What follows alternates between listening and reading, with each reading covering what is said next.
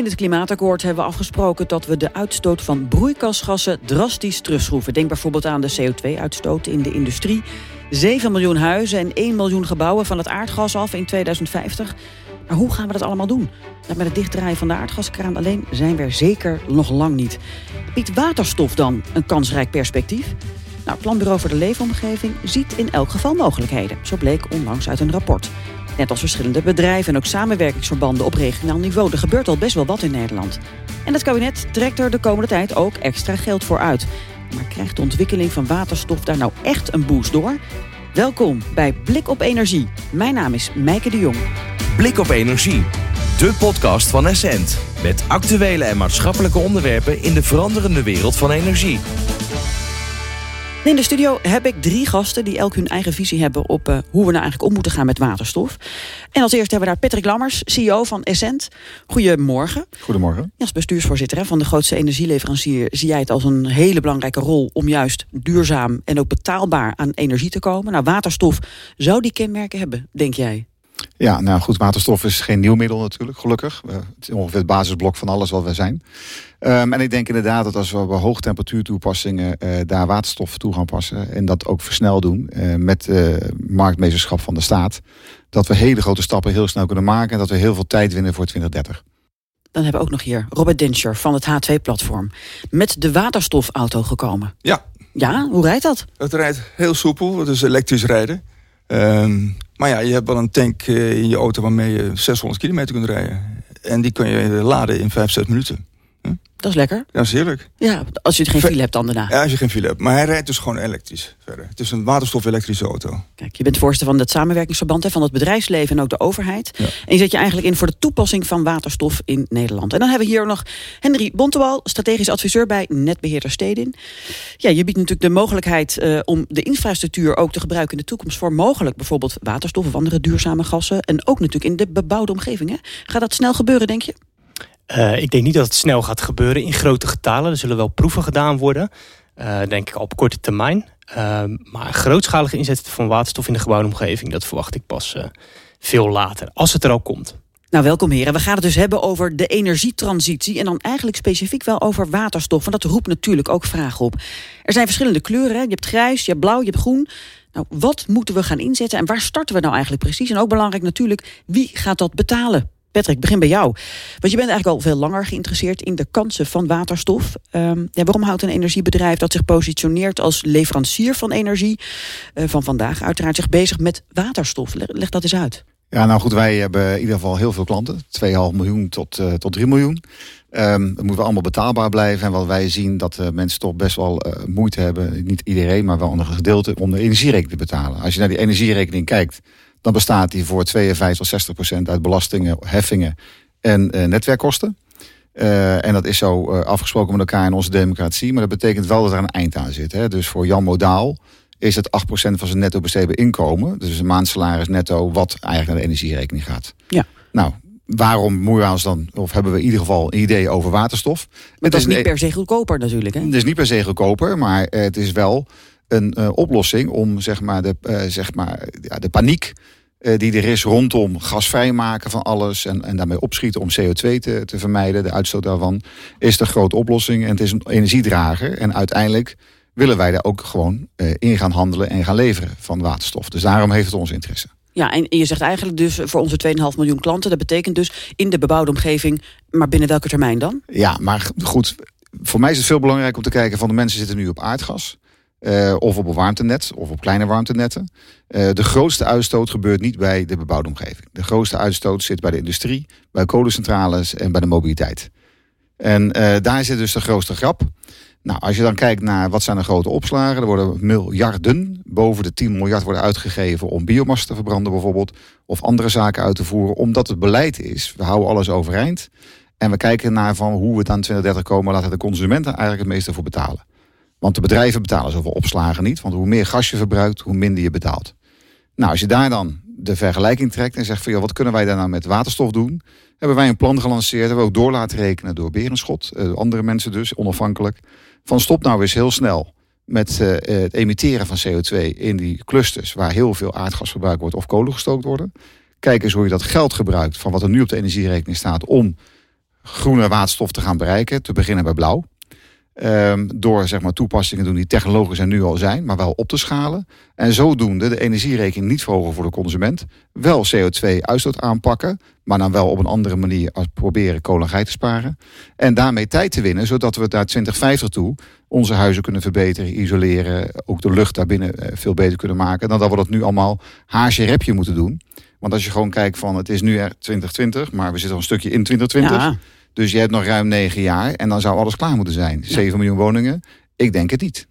Wat denk je, Henry, als je dit hoort? Is dit een, uh, een, een, een, utopie, een mooie opgave of is het wel heel realistisch? Nou ja, Patrick zegt uh, heel veel. Je kunt op heel veel punten ingaan. Kijk, um, uiteindelijk gaat het volgens mij om een, om een, om een inschatting van de kosteneffectiviteit van die, al die verschillende maatregelen. Hè. Dus je gaat eigenlijk de vraag stellen: is het reduceren van CO2 in de gebouwde omgeving even duur of goedkoper of duurder dan bijvoorbeeld in de industrie. Nou, Patrick zegt terecht hè, dat de uitstoot zit natuurlijk vooral in die andere sectoren.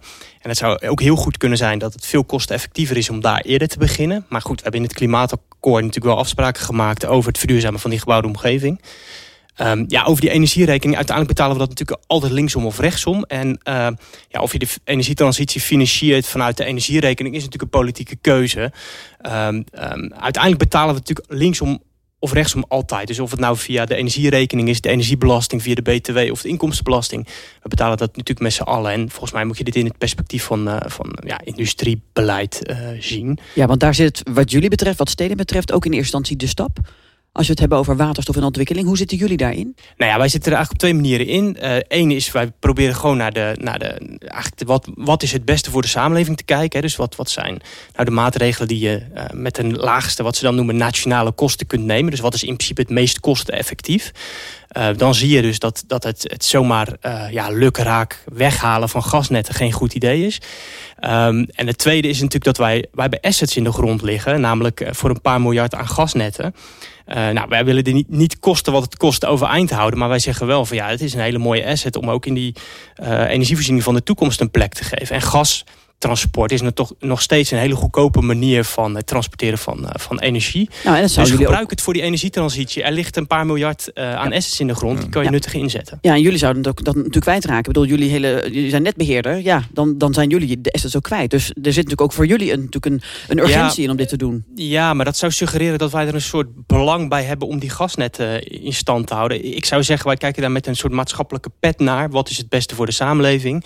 Klinkt natuurlijk heel mooi, maar Um, uiteindelijk onze aandeelhouder, aandeelhouders zijn gewoon gemeentes. Hè? Dus uh, ik zeg altijd een beetje flauw, al die gasnetten zijn gewoon van ons allemaal. Het is allemaal in publieke handen. Hè? Dus het is niet zo dat, het, uh, ja, dat wij van een uh, Japanse aandeelhouders zijn of iets anders. Nee, dus jullie wij zijn van de gemeentes. Ja, en jullie zien er dus duidelijk de toekomst in. Hè? Om te kijken van, hé, hey, wat, wat, wat zou waterstof kunnen betekenen?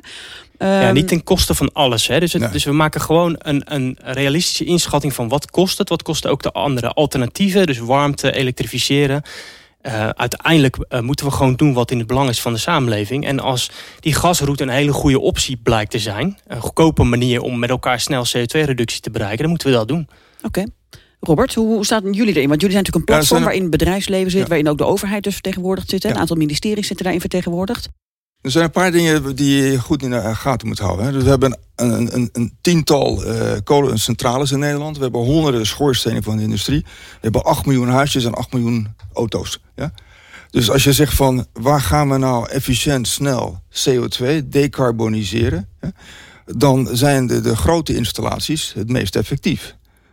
We zijn nu al bezig om te kijken wat... Uh, je hebt nu al een hoop grijze waterstof... die gebruikt wordt bijvoorbeeld in de chemie. Nou, die kun je afvangen en dan kun je vrij snel de CO2 afvangen. En je kunt de stap maken naar, naar, naar blauwe waterstof. Ja, dan maak je al een stap. Ja. CO2-technisch. Het andere wat we moeten bedenken is dat waterstof nog steeds twee keer zo duur is als aardgas. Ja. ja? Dus je gaat aardgas alleen maar daar, je gaat waterstof alleen maar daar gebruiken waar je geen andere toepassing hebt. Als je het kan elektrificeren, dan moet je het elektrificeren. Als je kan cascaderen met warmtepompen, zo moet je dat doen. Maar als je 1700 graden nodig hebt in een, in een uh, ijzerfabriek, dan heb je waterstof nodig. Ja. 600 graden, 500 graden kan je elektrificeren. Maar er zijn toepassingen waar het niet kan. Waterstof heeft het andere voordeel dat je het kunt opslaan, hè? makkelijker dan in batterijen. Ja. Dus je kunt van waterstof kun je warmte maken, van die waterstof kun je ook weer elektriciteit maken. En dat betekent dus dat je in mobiele toepassingen die uh, flexibel moeten zijn, daar zit de toegevoegde waarde. Ja, er zijn dus, dus zeker kansen. Maar goed, eerst eens even naar die hele ontwikkeling van waterstof. Hè. Van grijs dus naar blauw en uiteindelijk dan naar groen. Nou, dat maakt nogal een verschil, hè, die kleuren. Ja, grijs wordt dus nu al veel gebruikt in de industrie, zoals gezegd. Blauw, dat betekent aardgas gebruiken en CO2 opslaan. Dat levert uiteraard al wat milieuwinst op. En groen, ja, dat is nu nog lastig, want er komt nog heel weinig groene energie vrij. Voldoende althans, om daar ook op grote schaal dus waterstof van te maken. Dat moet allemaal nog komen. Zeker Natuur en Milieu stelt ook dat dat nog heel lang gaat duren. Ja, Patrick, hoe snel denk jij dat we inderdaad van dat grijs naar uh, blauw en naar groen kunnen? En wat zijn dan bijvoorbeeld de hiccups? Nou, de hiccups zijn in wezen natuurlijk dat er best wel veel weerstand is tegen CCS, hè, opslaan van CO2. Mensen hebben daar angst voor. Technisch is dat niet een heel groot probleem. Er zijn genoeg velden voor in de Noordzee die leeg zijn van aardgas die je kan vullen met CO2 en ook zodanig kan maken dat het erin blijft. Uh, kost wat meer energie, dus je zal daar wat moeten doen aan prijssubsidie. Maar uiteindelijk is dat redelijk snel te, uh, te realiseren. En als je dat doet, dan heb je behoorlijk snel een volume op blauw. En dan kan je een markt laten ontstaan. Ja. En dan zou je eigenlijk redelijk snel, als je in een aantal jaar praat, tussen de vijf en zeven jaar, veel wind bouwen, zonnedingen aan, zonnepanelen aansluiten, wellicht wel wat batterijen werken. En dan kan je zeg maar CCS gebruiken als means to an end hè, in, in het goed Nederlands. En daarmee garanderen dat je ook een volume krijgt. Ja.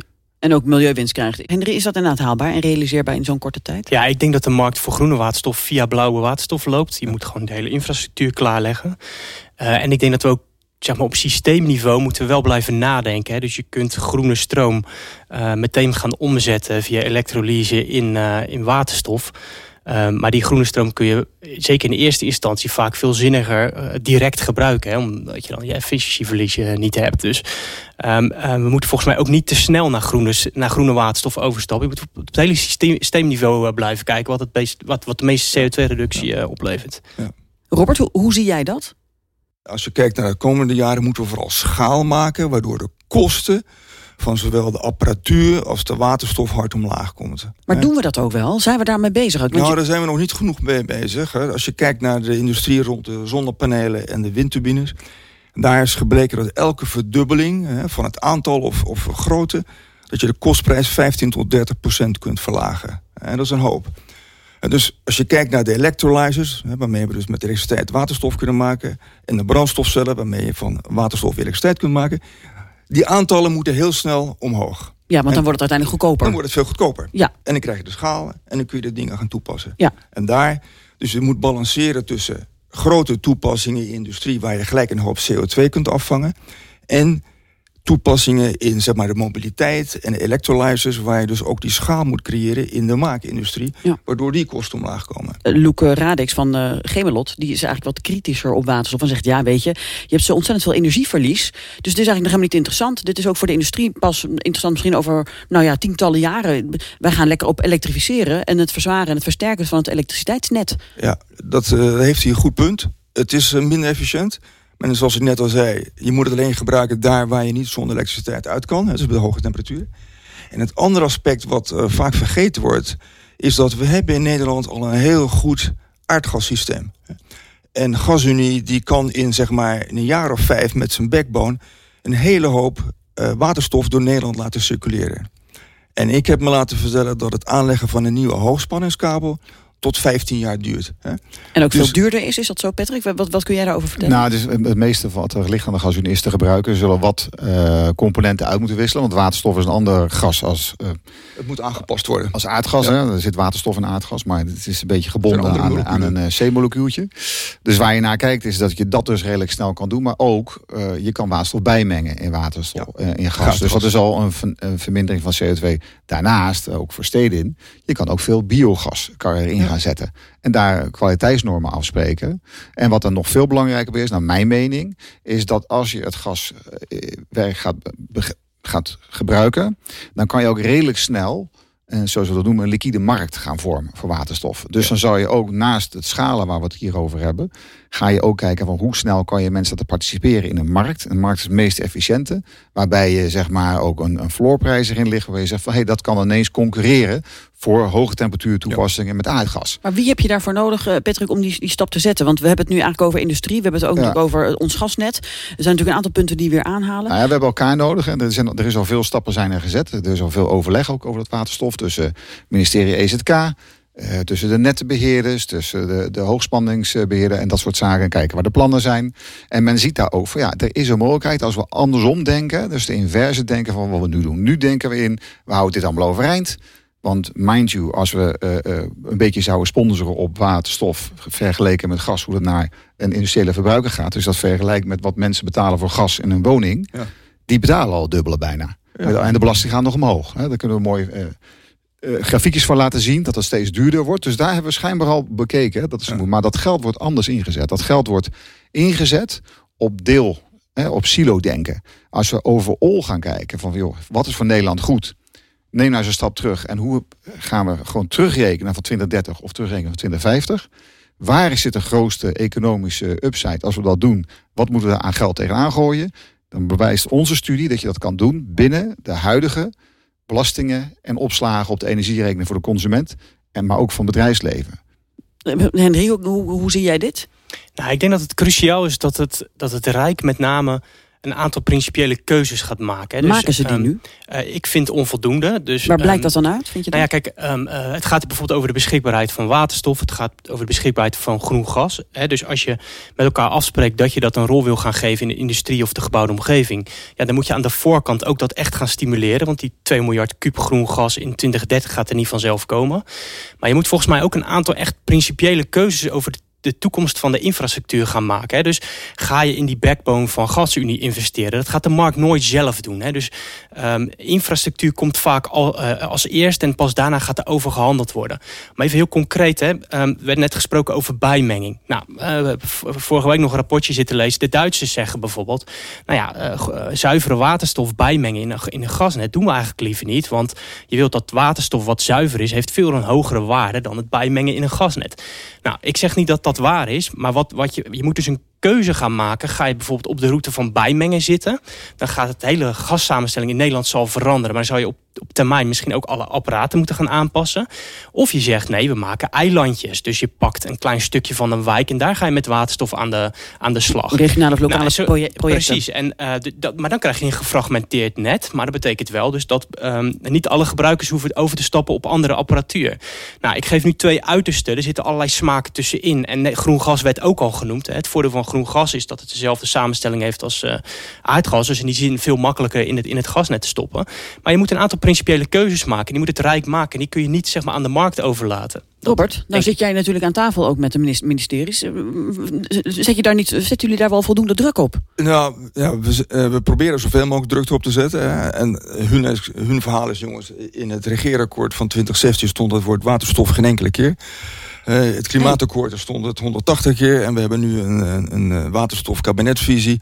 En ze zijn nu bezig met uitvoeringsstrategie. Ondertussen zijn we vier jaar verder. Komt er een verkiezing, een nieuwe kabinet, enzovoort, enzovoort. Ja, en ik wil nog heel even aan refereren aan de miljoenennota. De miljoenennota, ja. daar staat nu 10 miljoen euro... Ja. voor pilotprojecten om nieuwe technologieën te testen... die de CO2-uitstoot verminderen. En voor het opzetten van een nieuwe tenderregeling... voor de opschaling van groene waterstof. 10 miljoen. Ja, dat is veel te weinig. Ik bedoel, dat is heel duidelijk. Ja. Um, Hoe komt dat dan, dat dat erin staat? Om, nou, dat heeft, dat heeft Wiebes uh, al in 2016 gezegd. Van jongens, jullie weten het beter dan ik. Uh, kom maar met de plannen. En by the way, ik heb geen geld. Ja? Dat maar is heel duidelijk. is het misschien ook zo dat het draagvlak in die zin ook in de, in, in de markt, bij de marktpartijen nog niet zo eenduidig is om het ministerie daar een beetje op uh, wakker te schudden? Ja, die, die, dat draagvlak bij de bedrijven om ze wakker te schudden is heel duidelijk. Ja? Ja, ja dat is heel duidelijk. En ik denk ook dat het erg veranderd is sinds 2016. En, en dus heel ja. veranderd sinds 2016. Maar, Wat heeft die verandering teweeggebracht? Nou ja, wat, uh, wat de overheid in zijn kabinetvisie wel gedaan heeft... afgelopen juni, is gezegd... We, waterstof heeft een systeemrol. Dat betekent dus dat, ook, dat ze de verantwoordelijkheid moeten nemen... voor infrastructuur en voor markt en voor regelingen enzovoort enzovoort. We moeten wel bedenken dat waterstof nooit dezelfde hoeveelheid... of dezelfde plaats in zal nemen als aardgas. Aardgas op een gegeven moment 90%... 50% van onze primaire energie en 90% penetratie in alles wat niet elektrisch was. Nou, waterstof gaat nooit die richting uit. Dat zal in de orde van 10, 20, 25 procent zijn in de totale mix, als dat het al wordt. Patrick, even naar jou. Wat, wat moet uh, Den Haag misschien hier uh, gaan doen? Welke rol zou Den Haag moeten spelen? Nou, wat er sinds 2016 veranderd is, is dat er wel iets gezegd is over waterstof. Nou, men begint nu bij het ministerie dus echt goed samen te werken. Met, als ik al zei, met leveranciers, met netbeheerders, met andere deskundigen. Om te kijken waar laat je die 10, 20 procent waterstof nou landen. En wat doe je dan met de rest? Want daar gaat het uiteindelijk om. Dus dan krijg je lage temperatuurwarmte, eh, decentraal en je krijgt eh, elektrificatie. Ook bijvoorbeeld warmtepompen. Even iets wat je vandaag toepast, wat ik zelf ook gedaan heb. Ik gebruik nog maar 20% van het gas wat ik eerst had, omdat ik een warmtepomp nu heb. Ja, mijn elektriciteitsrekening is hoger. Soit, nog steeds is het beter dan wat ik had. Dus er zijn heel veel programma's die we op kunnen starten. En wat de overheid moet doen, is heel snel nu waterstofvisie neerleggen, articuleren, plus kaderen van wat is het kader waaronder we dat gaan doen en wat zijn de meerjarenstappen. Het gaat niet zo dat we dat binnen kabinetsperiodes allemaal kunnen doen. Dus je zal een rijksvisie neer moeten leggen die overstijgt aan een aantal zaken die afgesproken kunnen worden in een coalitie. En wij zeggen dit is een rijkscontract en daar houden we ons aan voor de komende tien jaar. En dan is het 2030 en dan hebben we dit voor elkaar. Ja. Maar waarom hebben we dat nog steeds niet dan, Patrick? Omdat er heel veel mensen denk ik ook nog steeds niet heel goed begrijpen wat is energie. Want er zijn, het is wel een beetje een club natuurlijk van mensen die elkaar allemaal kennen en die er graag over praten. Maar voor heel veel buitenstanders is het een low interest verhaal. CO2 is wel een high interest verhaal waar mensen zeggen, hé, hey, daar vind ik wat van. Maar de energiewereld zal dat toch moeten doen met elkaar. En ik denk dat heel veel politiek nog niet uitgevoerd kan worden. Omdat niet iedereen hetzelfde begripsniveau heeft. Wat dit betekent als je een kader afspreekt.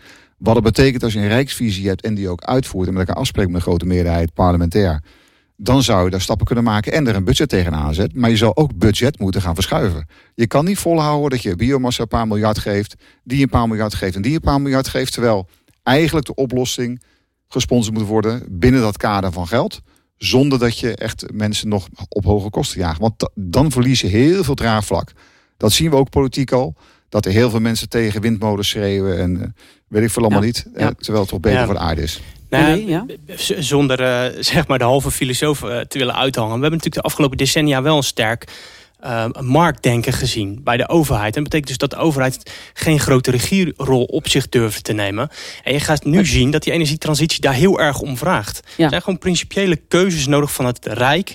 Uh, en ook heel duidelijk kaderstellingen. Dus neem de hele warmtetransitie in de gebouwde omgeving. We zien nu artikelen komen ja, dat de plannen die bedacht zijn... dat dat toch niet helemaal zo zou moeten zijn als we hebben opgeschreven.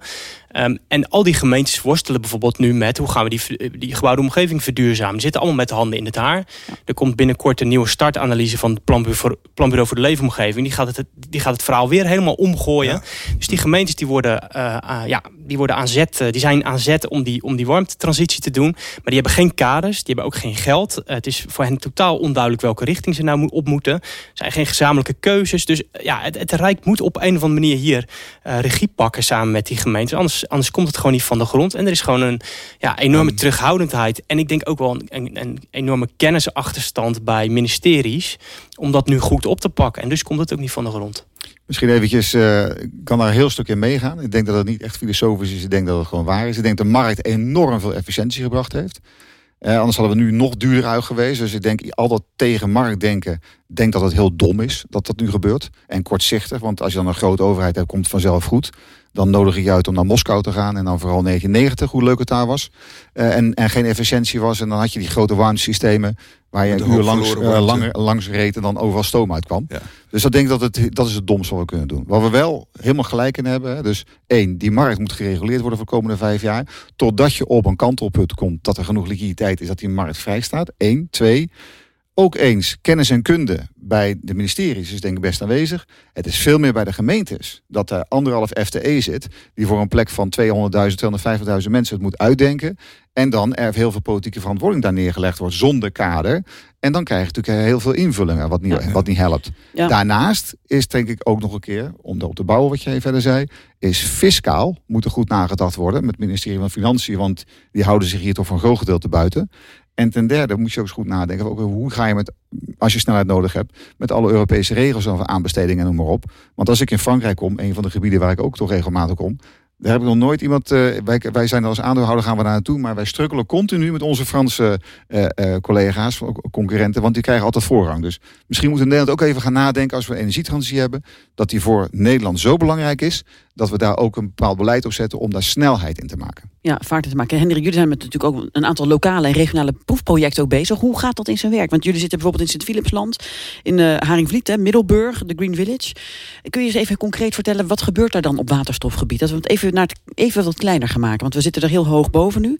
Even ja, ik wil eigenlijk nog iets zeggen over dat markt versus overheid, maar dat mag zeker niet. Nou ja, mag kort. Nou ja, ik denk, denk het is inderdaad niet markt versus overheid, want de markt heeft heel veel gebracht. Ik denk dat wind op zee een perfect voorbeeld is van een goede samenwerking tussen markt en overheid. Ja. dus de overheid legt vergunningen klaar en zegt precies uh, ja, die pakt eigenlijk de risico's op die de markt niet kan dragen. En vervolgens wordt aan de markt gevraagd om datgene wat zij heel goed kunnen, namelijk turbines neerzetten en, en, en prijsontwikkeling bekijken, uh, om dat te doen. En dan zie je dus dat er een hele goede uh, business case uitkomt. Dus het gaat volgens mij niet om markt versus overheid, maar om een, een hele slimme overheid en een slimme markt. En die allebei hun kracht laten benutten. Over wat wij in die pilots doen wij kijken nu gewoon heel erg naar, naar techniek. Hè. Dat is ook een beetje de oriëntatie van ons uh, bedrijf. Um, dus wij weten niet precies hoe groot waterstof in de gebouwde omgeving gaat worden. Maar wij zeggen wel, als je een beetje op tijd wil zijn, moet je nu al dingen gewoon gaan proberen. En voor ons is dat vaak een hele technische insteek. Hè. Kan een gasketel op waterstof? Um, als wij een stuk net zouden willen ombouwen naar een waterstofnet. Hoe moet dat dan? Moet je al die bewoners in één keer? Hoe kan dat veilig? Nou, een mooi pilot die we nu uh, aan het doen zijn, is ik dacht uit Hoorn. Ja, dan gaan we dus een aantal woningen waar de bewoners weg zijn. Dus die, die panden staan op de nominatie om gesloopt te worden. Ja, daar gaan we dus aan de slag. Dus die blijven we verwarmen. Dat gaan we ombouwen. En op die manier kun je dus heel veilig, uh, als er iets misgaat, gebeurt er namelijk niks. Kun je gewoon testen wat er, wat er, wat er gebeurt. Dus wij zitten heel erg op die veiligheid van waterstof. Kan het? En ja. ja. Maar puur eigenlijk om kennis op te doen. Want je zegt zelf, hè, die bebouwde omgeving, dat gaat voorlopig niet als eerste zeg maar, aan de waterstof. Um, maar het is puur om te zien, wat is er voor nodig uiteindelijk als we het groter willen gaan maken. En als we alles wat we ja. hebben aan infrastructuur in Nederland, om dat nog goed te benutten ofwel om te bouwen. Zeg maar. Ja, precies. Wij zeggen zelf heel grofweg, en tot 2030 zal het niet uh, heel groot zijn. Na 2030 weet je het eigenlijk gewoon niet. Maar als je het niet weet, moet je er wel op voorbereiden.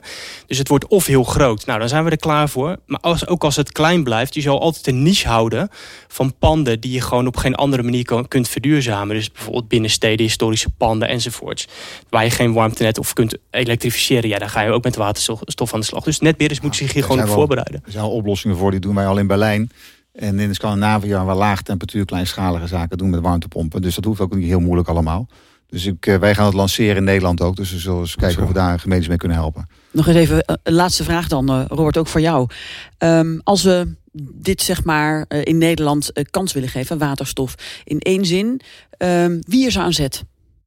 Nou, ik denk dat de, de ministeries, dus niet de regio of de gemeente... Die, het succes op zee, van de wind op zee, was omdat EZ in één entiteit controle had over de Noordzee. Wat je nu ziet is dat een hele hoop... Uh, in één zin? In één zin. de overheid moet de regie nemen. En die moet gewoon teruggetrokken worden. En ze moeten duidelijker zeggen wat ze, wat ze willen en hoe ze, hoe ze het willen. Want op dit moment wordt uh, de, de regio, de gemeente... Het duurt allemaal te lang. En ze wordt alles drie keer bekeken. De overheid moet dat strakker regie pakken. Dus als platform moeten jullie flink aan de bak?